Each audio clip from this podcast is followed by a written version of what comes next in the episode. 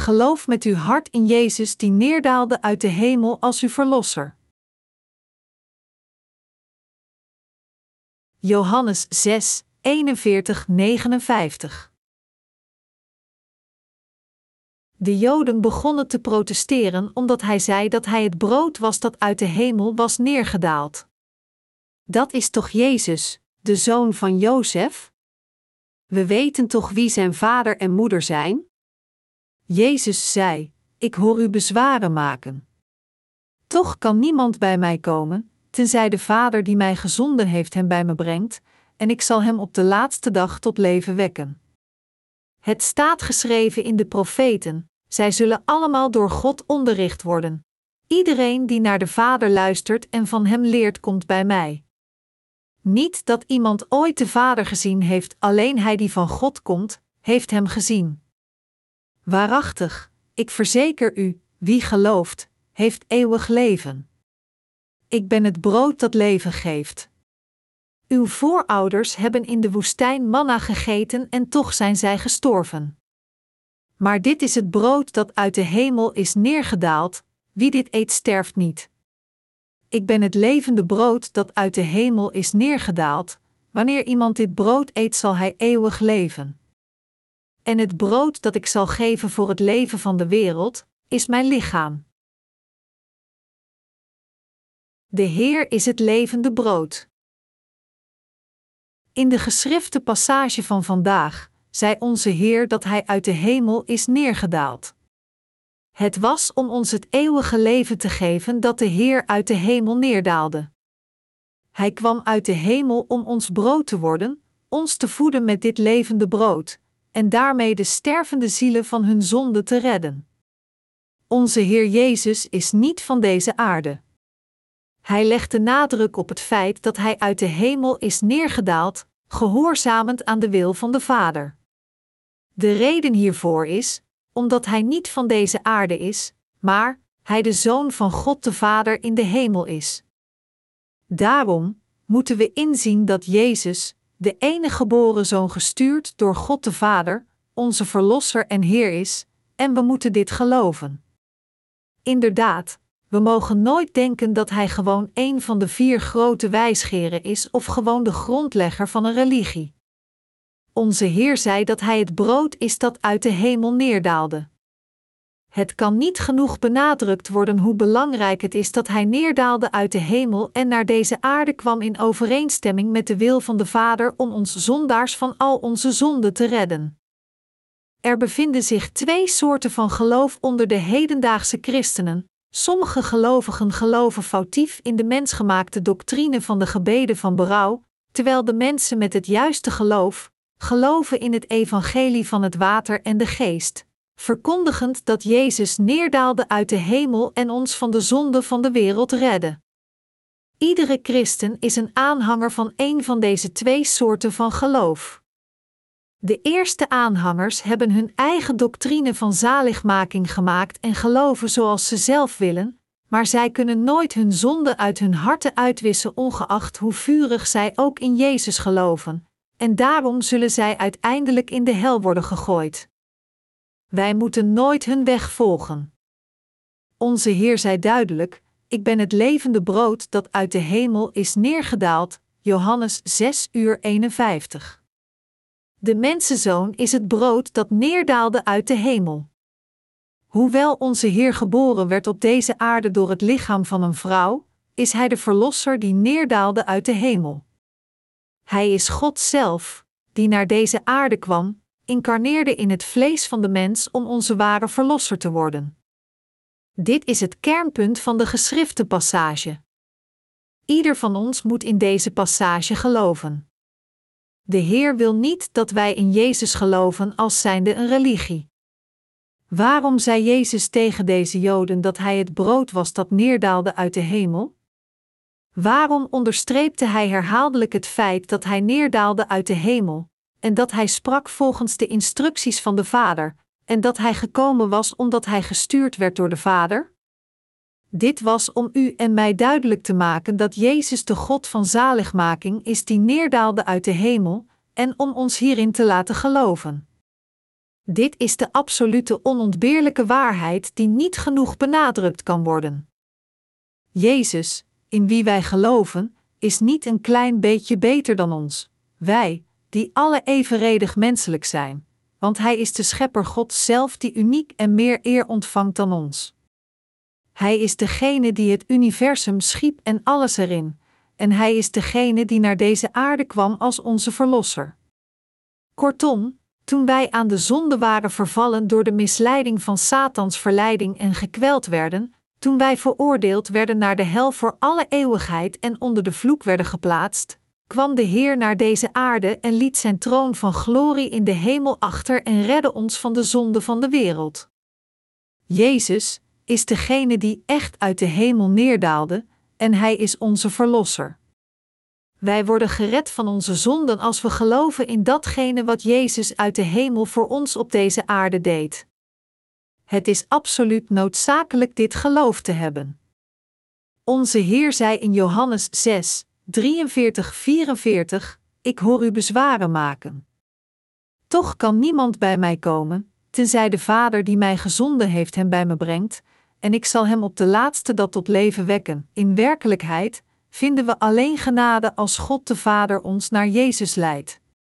Behalve als God ons leidt om te worden gered door te weten en te geloven in het evangelie van het water en de geest, kan niemand in Jezus geloven als de Verlosser. Jezus, die het universum en alles daarin maakte, heerst ook over onze zaligmaking, over leven en dood, over ons geluk en ongeluk. Ook is Jezus de goddelijke drie-eenheid samen met God de Vader, die zijn Vader en onze Vader is, en de Heilige Geest. Dit is de goddelijke drie-eenheid die ons geleid heeft om Jezus te ontmoeten, in Hem te geloven en onze zaligmaking te bereiken, en ons de glorie van de hemel te geven. Deze wereld zit inderdaad vol met ontelbare christenen. Maar, ondanks dat er veel christenen zijn die beleiden in Jezus te geloven, wat is de toestand van het hedendaagse christendom? Diegenen die correct in Jezus geloven binnen het woord van waarheid zijn zeer weinig in aantal. Om onze zonde uit te wissen, daalde Jezus neer uit de hemel door te worden geboren door het lichaam van de maagd Maria. Op dertigjarige leeftijd werd hij gedoopt om al de zonden van de mensheid te schouderen. Hij droeg de zonden van de wereld naar het kruis en werd gekruisigd tot de dood. In drie dagen vrees hij weer van de dood.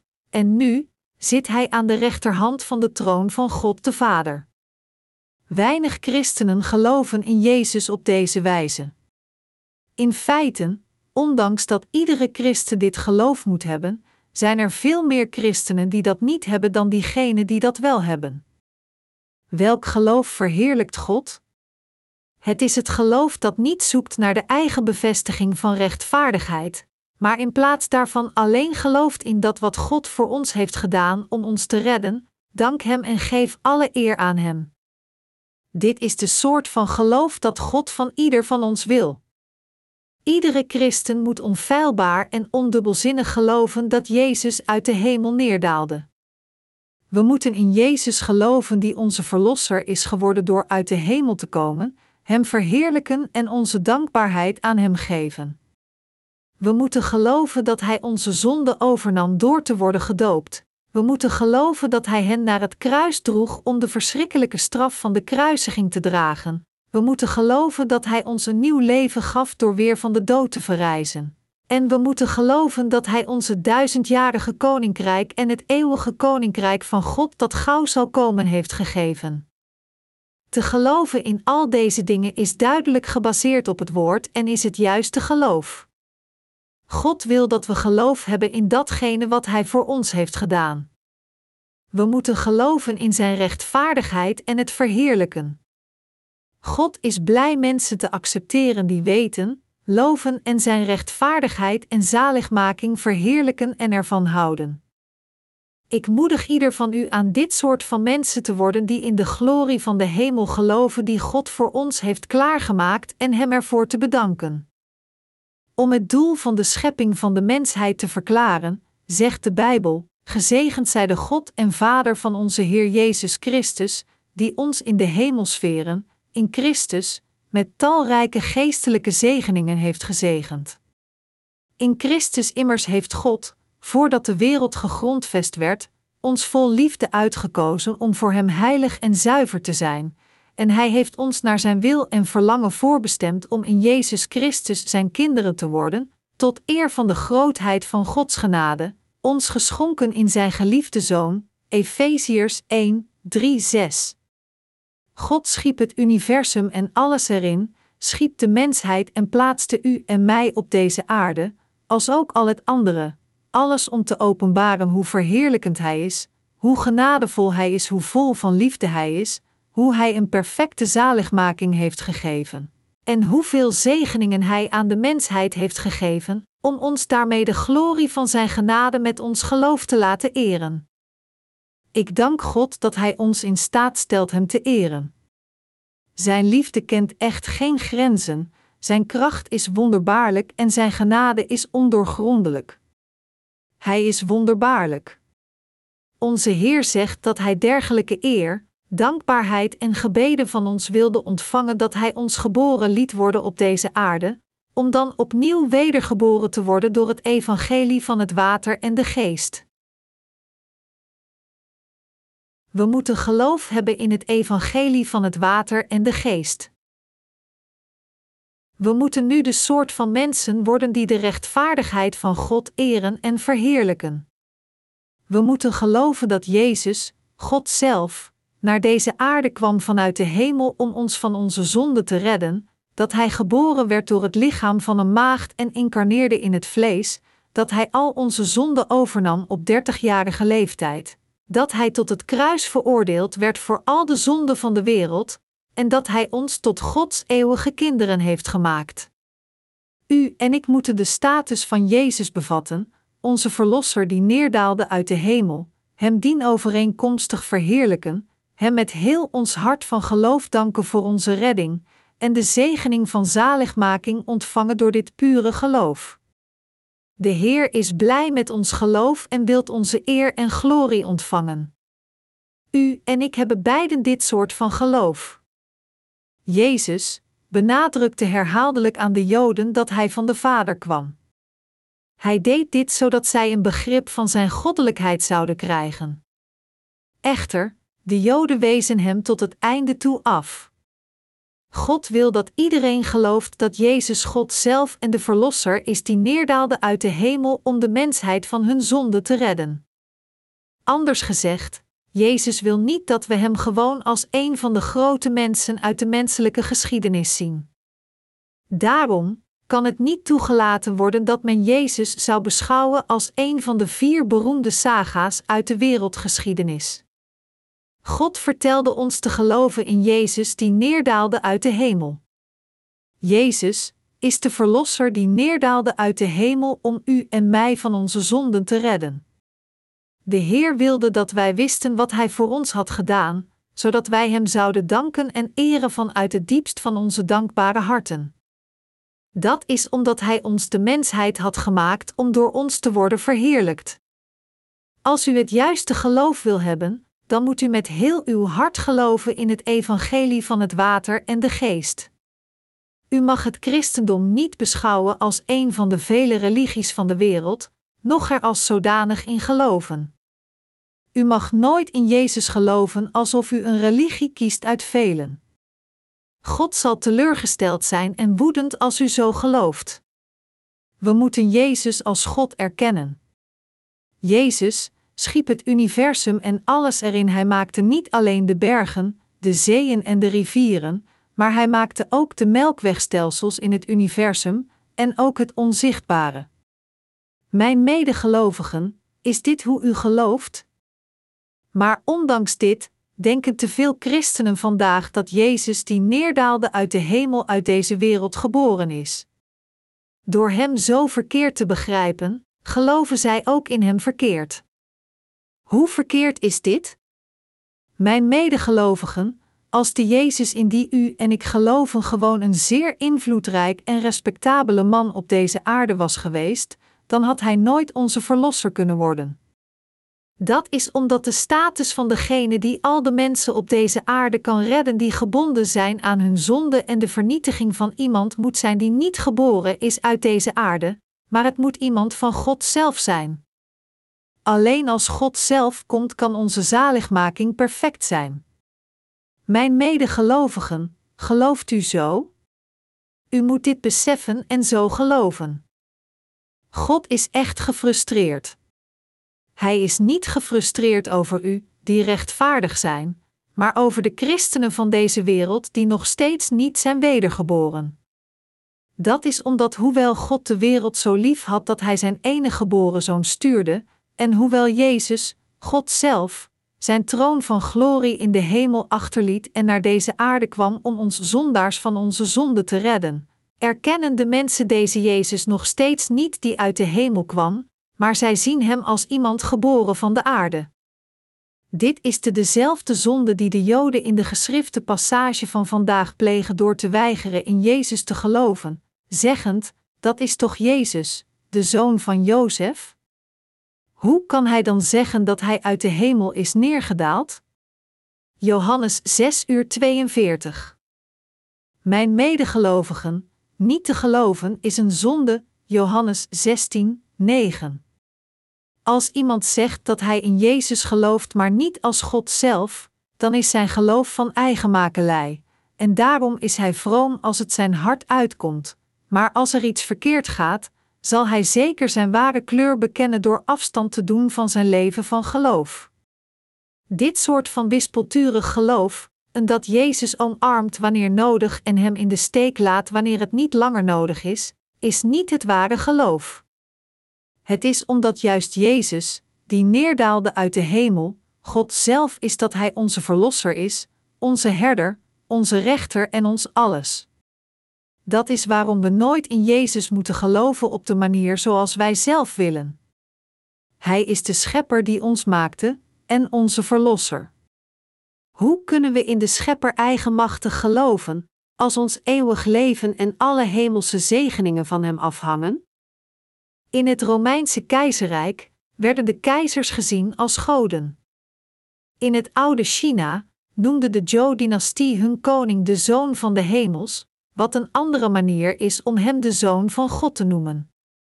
Ook in het moderne Japan werd de koning de hemelse keizer genoemd en hem vergoddelijkten tot de status van een goddelijke zoon en deze vergoddelijking verenigde het land en leidde tot de opkomst van het Japanse militarisme dat uiteindelijk de Tweede Wereldoorlog veroorzaakte. Leidt u hierdoor af dat Jezus ergens tot deze keizers behoort? Nee, Jezus is de God die het universum en alles erin schiep, ongeacht of u en ik dit geloven of niet. Toen sommige engelen in het koninkrijk van zijn schepping tegen hem in opstand kwamen, dreef Jezus hen uit het koninkrijk en schiep de mensheid in het evenbeeld van God.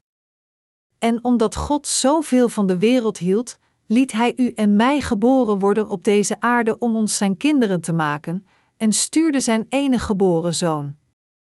God de Vader, de Zoon en de Heilige Geest hadden gepland ons tot Gods kinderen te maken door ons te redden, en vervulde dat helemaal. De ene die uit de hemel neerdaalde in overeenstemming met deze wil wordt Jezus genoemd. Van de hemel komend, heeft Hij ons gered door het water, het bloed en de geest, 1 Johannes 5, 6, 8. Deze waarheid staat zo duidelijk geschreven in de Bijbel dat niemand kan weigeren het te geloven. Wie leidt God de Vader naar Jezus? Diegenen die honger en dorst hebben naar de rechtvaardigheid, die rouwen over hun zonden, die arm in geest zijn, en die geen bevrediging vinden in de dingen van deze aarde, dit zijn de mensen die God naar Jezus leidt. De harten van dergelijke mensen zijn, naïef en eerlijk zoals een kind voor God, ondanks dat zij niets bezitten en geen kennis hebben. Anders gezegd, als er mensen zijn die, ondanks dat zij Jezus niet zo goed kennen, lijden vanwege de zonde in hun harten, en daardoor wanhopig op zoek zijn naar de Verlosser, dan zal de Vader dergelijke mensen naar Jezus leiden. Dat is waarom de Heer zei: Niemand kan bij mij komen, tenzij de Vader die mij gezonden heeft hem bij me brengt.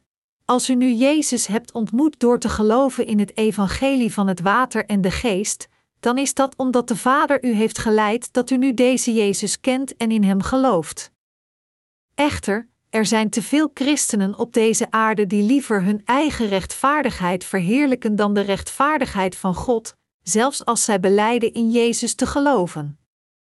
Zij verheffen zichzelf hoop op, bewerend: Toen ik vurig naar God bad, ontving ik tijdens mijn slaap een visioen, en ik werd gered.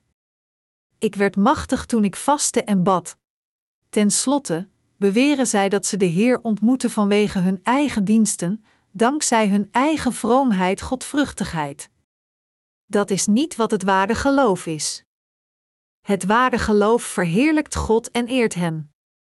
God zelf daalde neer uit de hemel, en om onze verlosser te worden, werd Hij gedoopt, gekruisigd tot de dood, en vrees weer van de dood.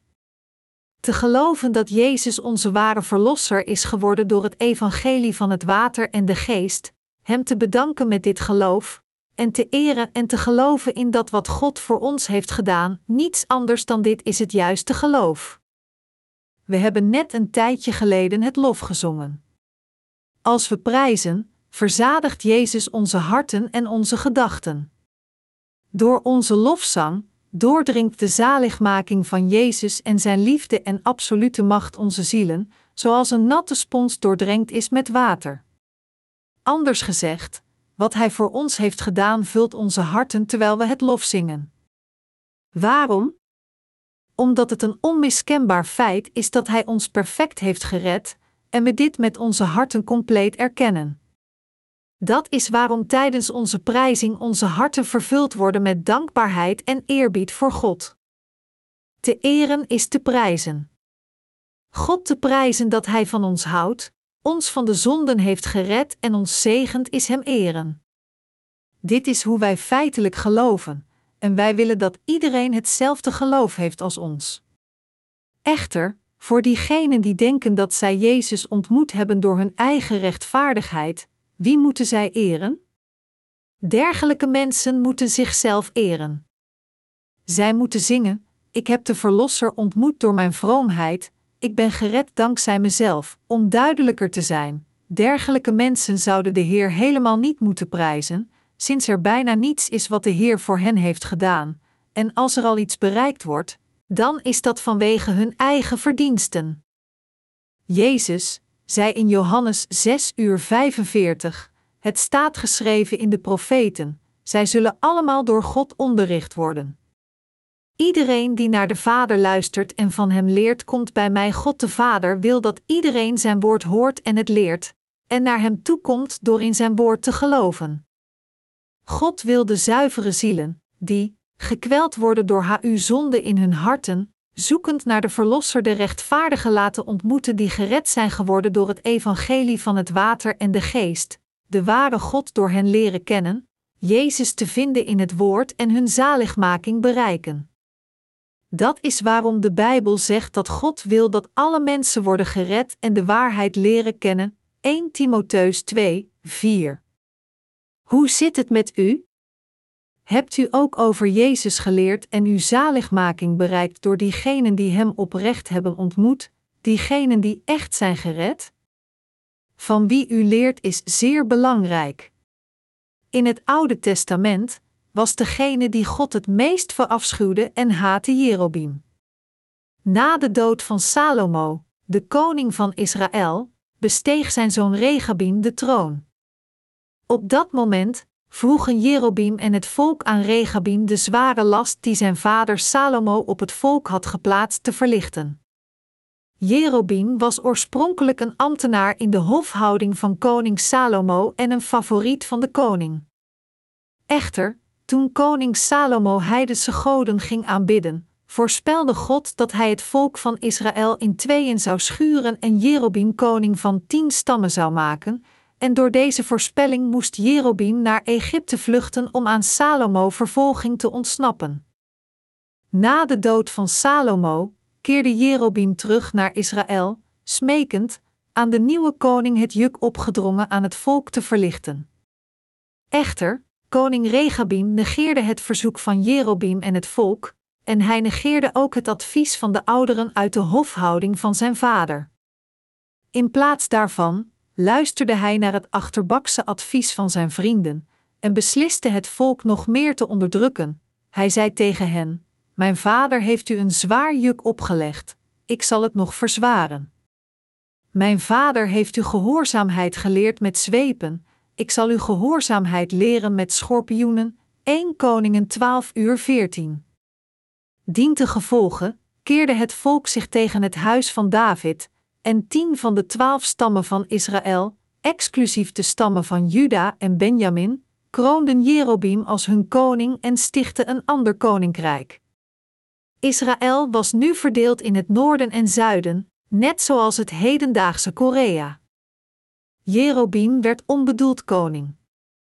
Na de troon geaccepteerd te hebben, dacht Jerobeam na over zijn situatie, en hij erkende dat hoewel hij koning was geworden ondanks dat hij geen lid van de koninklijke familie was, het onweerlegbaar een handeling van hoogverraad was.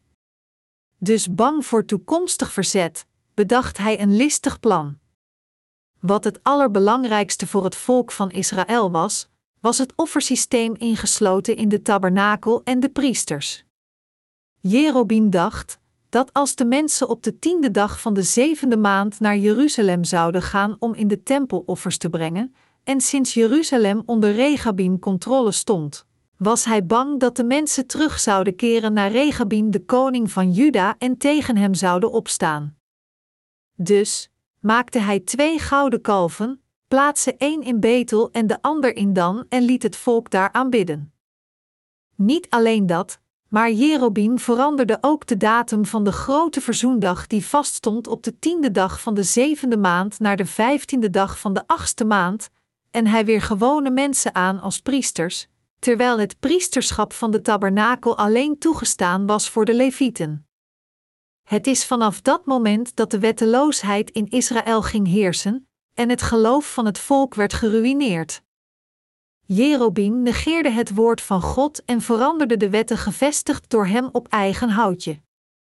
God verafschuwt het meest de zonde van de achterbakse vervalsing van de waarheid door het zo gemakkelijk te veranderen. Anders gezegd, God haat de zonde van Jerobeam het meest. Dat is waarom hij Jerobeam liet doden. Toen de zoon van Jerobeam de zondige weg van zijn vader voortzette nadat hij hem opvolgde, liet God hem ook doden. In feite, de meeste opvolgende koningen van Israël volgden de weg van Jerobeam, en dientengevolge droegen zij dezelfde woede van God die over het huis van Jerobeam was gebracht. Het is zo belangrijk van wie u leert en onder wie u uw leven van geloof leidt. Jezus zei: Iedereen die naar de Vader luistert en van hem leert, komt bij mij. Johannes 6 uur 45. De Heer wil dat u leert en gelooft van diegenen die gehoord en geleerd hebben van de Bijbel, zoals God de Vader hen heeft geleerd, en dat u ook anderen leert zoals u hebt geleerd. Dat is waarom onze Heer, na alles volbracht te hebben op deze aarde, het volgende zei bij zijn opstijging naar de hemel: God dus op weg en maak alle volken tot mijn leerlingen, door hen te dopen in de naam van de Vader en de Zoon en de Heilige Geest en hun te leren dat ze zich moeten houden aan alles wat ik jullie opgedragen heb. Matthäus 28, 19, 20. Dit betekent dat alleen de wedergeboren leerlingen van Jezus meer ware leerlingen kunnen voortbrengen. De apostel Paulus zei daarom ook tegen Timotheus: Maar jij, blijf bij alles wat je geleerd hebt en met overtuiging hebt aangenomen. Je weet wie je leraren waren, 2 Timotheus 3 uur 14. God onze Vader wil dat iedere ziel Jezus correct begrijpt en in Hem gelooft. Anders gezegd, God wil dat de gelovigen die van de Vader hebben geleerd, de verdwaalde correct onderwijzen en dat de verdwaalde correct geloven. God verwacht een dergelijk geloof van ons. U en ik zijn zeer gelukkig.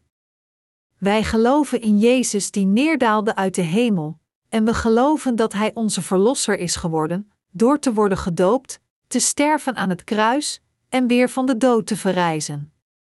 Doordat we gered zijn geworden door dit geloof, en doordat we nu deze waarheid van zaligmaking prediken, is God zeer blij met ons. We verspreiden het evangelie over de hele wereld. God helpt ons op verschillende manieren om zijn evangelie over de hele wereld te verkondigen. Door toe te staan dat de 2002 FIFA Wereldcup in gastland Korea werd gespeeld, zorgde God ervoor dat mijn land bekend werd over de hele wereld.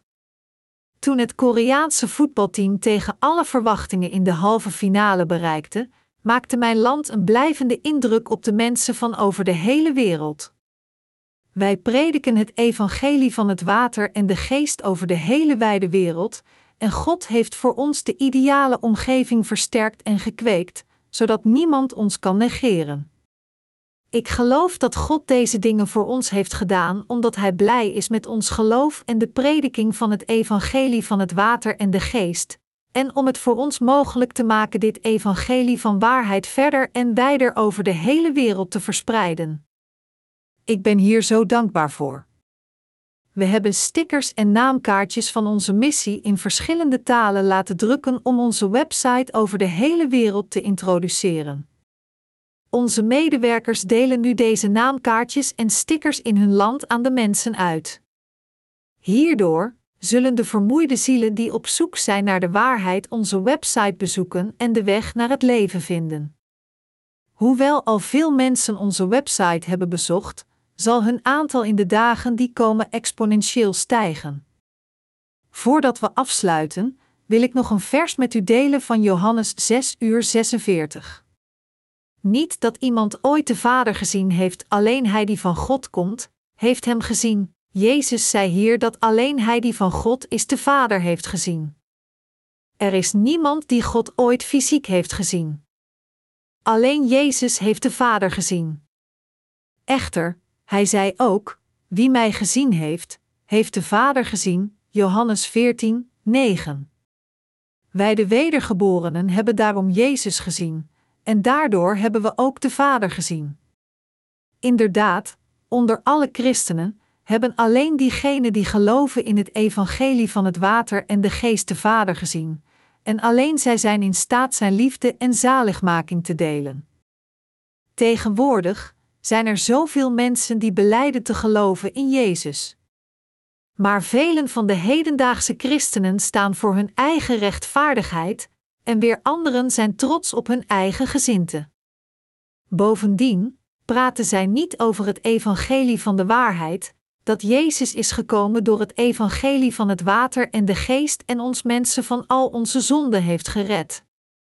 Veel pastoors prediken het woord van God een klein beetje zoals een dressing, en hun preken roepen de congregatie op meer kerkdonaties te geven. Zij roepen iemand die zo trouw als een slaaf voor zijn eigen kerk en pastoor is, door zijn eigen vroomheid en rechtvaardigheid, en ze laten hem getuigen in alle vurigheid, zodat de congregatie de kerk zoals hem gaan dienen. Dit soort van geloof is een vals geloof. Het correcte geloof is te geloven in dat wat God voor ons heeft gedaan, en niet zijn eigen toewijding of rechtvaardigheid te promoten. Er zijn ook christenen die blindelings beweren geen zonde te hebben, ondanks dat zij geen duidelijk begrip van het woord hebben. Maar het geloof van dergelijke mensen is een eigenmachtig geloof dat hun misleidt. 1 Johannes 1, 8. Welk soort van geloof moeten u en ik dan hebben? Hij die neerdaalde uit de hemel heeft ons gered door het evangelie van het water en de geest. Hij vervulde zijn belofte van zaligmaking tot de perfectie, precies zoals hij had beloofd. Wij de wedergeborenen geloven in ieder woord van belofte en in de volgende wereld van glorie die God aan ons beloofd heeft. Dit is waarom wij onze levens leven met dankbaarheid en de verheerlijking van God. Het is als we geloof hebben in het God gesproken woord, niet ons eigenmachtig geloof, dat God verblijd wordt. Ondanks dat we voor God ontoereikend en zwak zijn, door te geloven in deze zeer perfecte en onovertroffen majesteitelijke God, in wat Hij voor ons heeft gedaan en in de toekomst nog zal doen, en door Hem te prijzen, kunnen we toch Zijn genade ontvangen. Dit is hoe we onze eer om Hem te prijzen kunnen geven. God heeft deze genade aan u en mij gegeven. En Hij wil dat wij deze genade over de hele wereld verspreiden. Hoewel u en ik ontoereikend zijn, kwam God zelf uit de hemel, en Hij heeft ons met Zijn hemelse genade en glorie bekleed. Dat is hoe wij onze levens gevuld met zegeningen en dankbaarheid leven, alleen door in Hem te geloven. En dit is hoe we ook het eeuwige leven hebben verkregen. Mijn medegelovigen, gelooft u dat God u het eeuwige leven heeft gegeven? Het eeuwige leven betekent dat u nooit sterft, maar voor eeuwig leeft in gelukzaligheid. God had in het Oude Testament beloofd dat Hij ons zou redden van al onze zonden, en toen de tijd rijp was, kwam onze Heer naar deze aarde en redde ons perfect door het evangelie van het water en de geest in overeenstemming met Zijn belofte. Net zo zal God ook Zijn belofte om ons het paradijs op aarde te geven houden. Dus wachten we met hoop. Vroeger of later zullen u en ik voor duizend jaar heersen over deze aarde. Nadat wij in het duizendjarige koninkrijk voor duizend jaar geheerst hebben, zal de Heer de doden laten verrijzen, dat zijn, diegenen die niet geloofden in het evangelie van het water en de geest in onsterfelijke lichamen voor het laatste oordeel, hen in de hel gooien en voor eeuwig de deksel sluiten. En de rechtvaardigen die zijn wedergeboren uit water en geest zullen van het eeuwige genieten samen met God in zijn eeuwige koninkrijk. Omdat wij geloven dat de Heer ons dergelijke zegeningen heeft gegeven, hebben wij hoop. Door ons geloof worden we dag na dag vervuld met geluk. Wedergeboren door het evangelie van het water en de geest, zijn u en ik nu dit ware evangelie waar en wanneer ook aan het prediken. Hoewel we ontoereikend zijn, danken we God met geloof, en we doen dit werk graag met bevrediging. Als we alleen kijken naar onze omstandigheden, dan zijn er veel dingen die ons frustreren. Echter, als we nadenken over al de zegeningen die de Heer die neerdaalde uit de hemel ons heeft gegeven, zijn we in staat voor eeuwig met dankbare harten te leven. Ik geef mijn dankbaarheid en glorie aan God door ons dergelijke zegeningen te geven.